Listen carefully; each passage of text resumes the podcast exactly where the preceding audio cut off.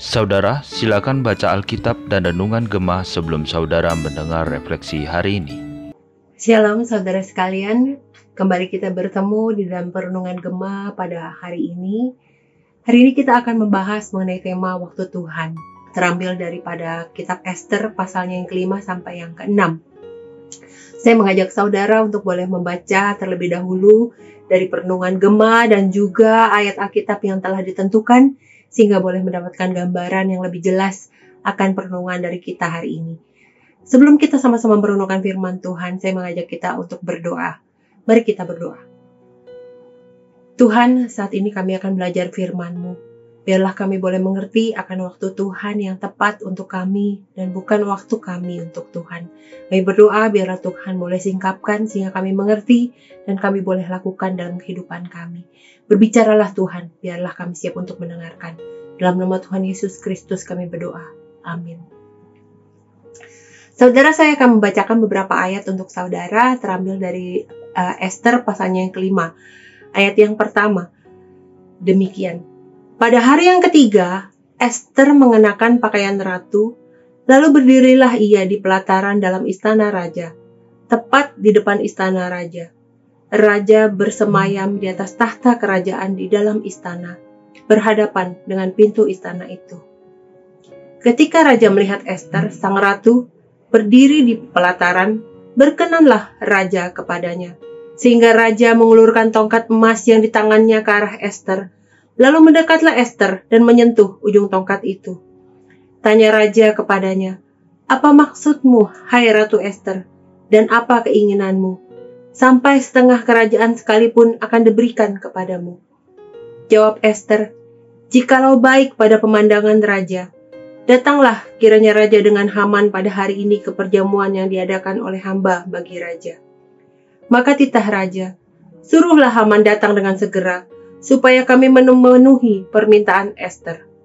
Lalu raja datang dengan Haman ke perjamuan yang diadakan oleh Esther.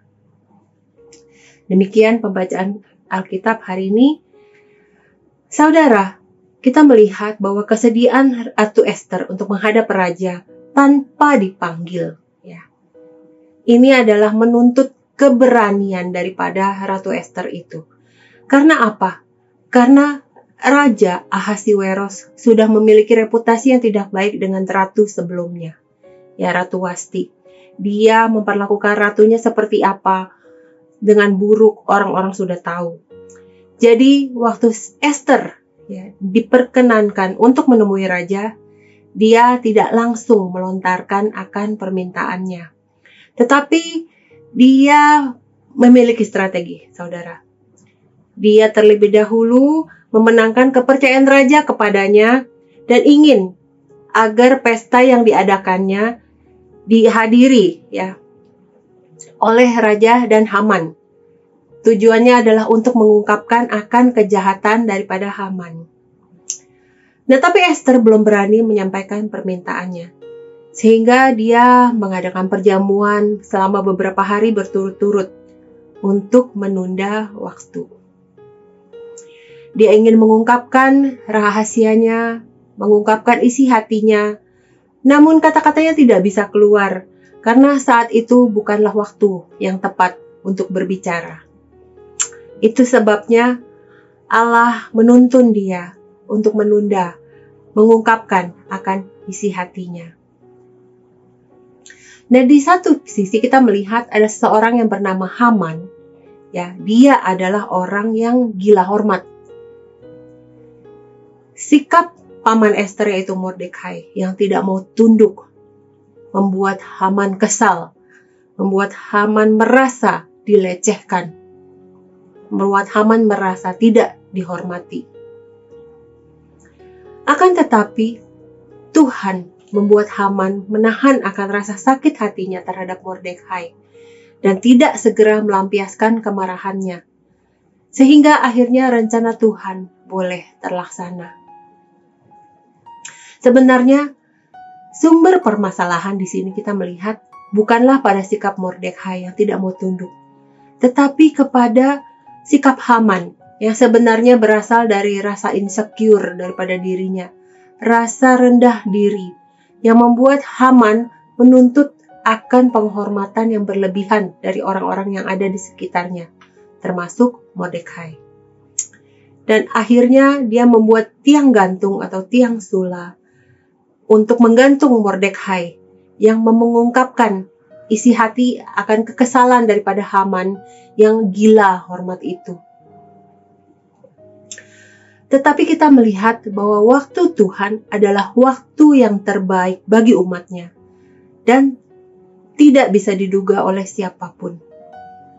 Waktu Tuhan adalah waktu yang terbaik untuk umatnya dan tidak bisa diduga oleh siapa pun. Suatu malam kita melihat kisahnya bahwa Raja Ahasiweros itu tidak bisa tidur.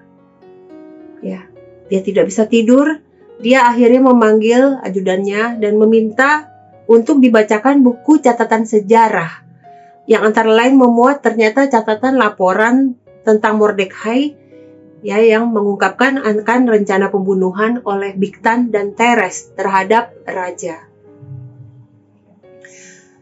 Nah, setelah menyadari bahwa dalam catatan tersebut ternyata Mordekai belum diberi apresiasi atau penghargaan apa-apa atas jasanya, Raja meminta Haman untuk memberikan penghargaan yang layak untuk Mordekai. Dan kita melihat bahwa bagi Haman, peristiwa saat dia harus memberikan penghargaan terhadap musuh besarnya, yaitu Mordekai itu, merupakan penghinaan yang amat sangat memalukan. Istri dan juga para penasihat Haman melihat itu sebagai tanda sebagai petunjuk akan di masa depan bahwa Haman tidak akan bisa menang melawan Mordekai. Nah, kita melihat bahwa penundaan permintaan Esther terhadap raja ini mengalokasikan waktu Tuhan yang tepat untuk mempermuliakan Mordekai. Dalam hidup kita, kalau kita merefleksikan akan kejadian ini, Mungkin kita sering tidak menyadari adanya pengaturan waktu Tuhan berkaitan dengan rencananya yang khusus untuk kita. Kita mungkin tidak sabar, kita mungkin merasa Tuhan tidak adil, kita mungkin merasa Tuhan tidak menjawab doa. Tetapi sebenarnya melalui kisah ini kita belajar bahwa ada penempatan waktu Tuhan yang terbaik untuk kita. Apakah kita mempercayai akan pengaturan Tuhan atau kita percaya kepada pengaturan diri kita? Biarlah kita boleh belajar dari Esther, dari Mordekai, dari Haman, bahwa waktu Tuhan adalah waktu yang terbaik. Waktu Tuhan adalah waktu yang tepat untuk kita anak-anaknya.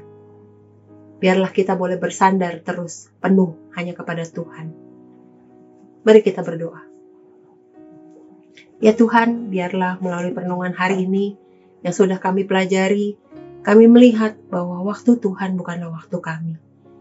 Yang terbaik untuk Tuhan bukanlah pemikiran kami, tetapi pemikiran Tuhan. Kami bersyukur ya Tuhan untuk firman-Mu ini, dan biarlah firman-Mu ini kembali menguatkan iman kami, yang mungkin sudah lesu, sudah putus asa, sudah ketakutan, dan tidak berharap lagi pada Tuhan sehingga boleh kami kembali menaruh pengharapan kami kepada Tuhan dan percaya bahwa waktu Tuhan adalah yang terbaik untuk kami. Terima kasih ya Tuhan, kami percaya kami berserah, kami serahkan hidup kami terus di dalam pimpinan tangan pengasihan Tuhan. Dalam nama Yesus Kristus kami berdoa. Amin. Selamat menjalani hari, Tuhan Yesus memberkati.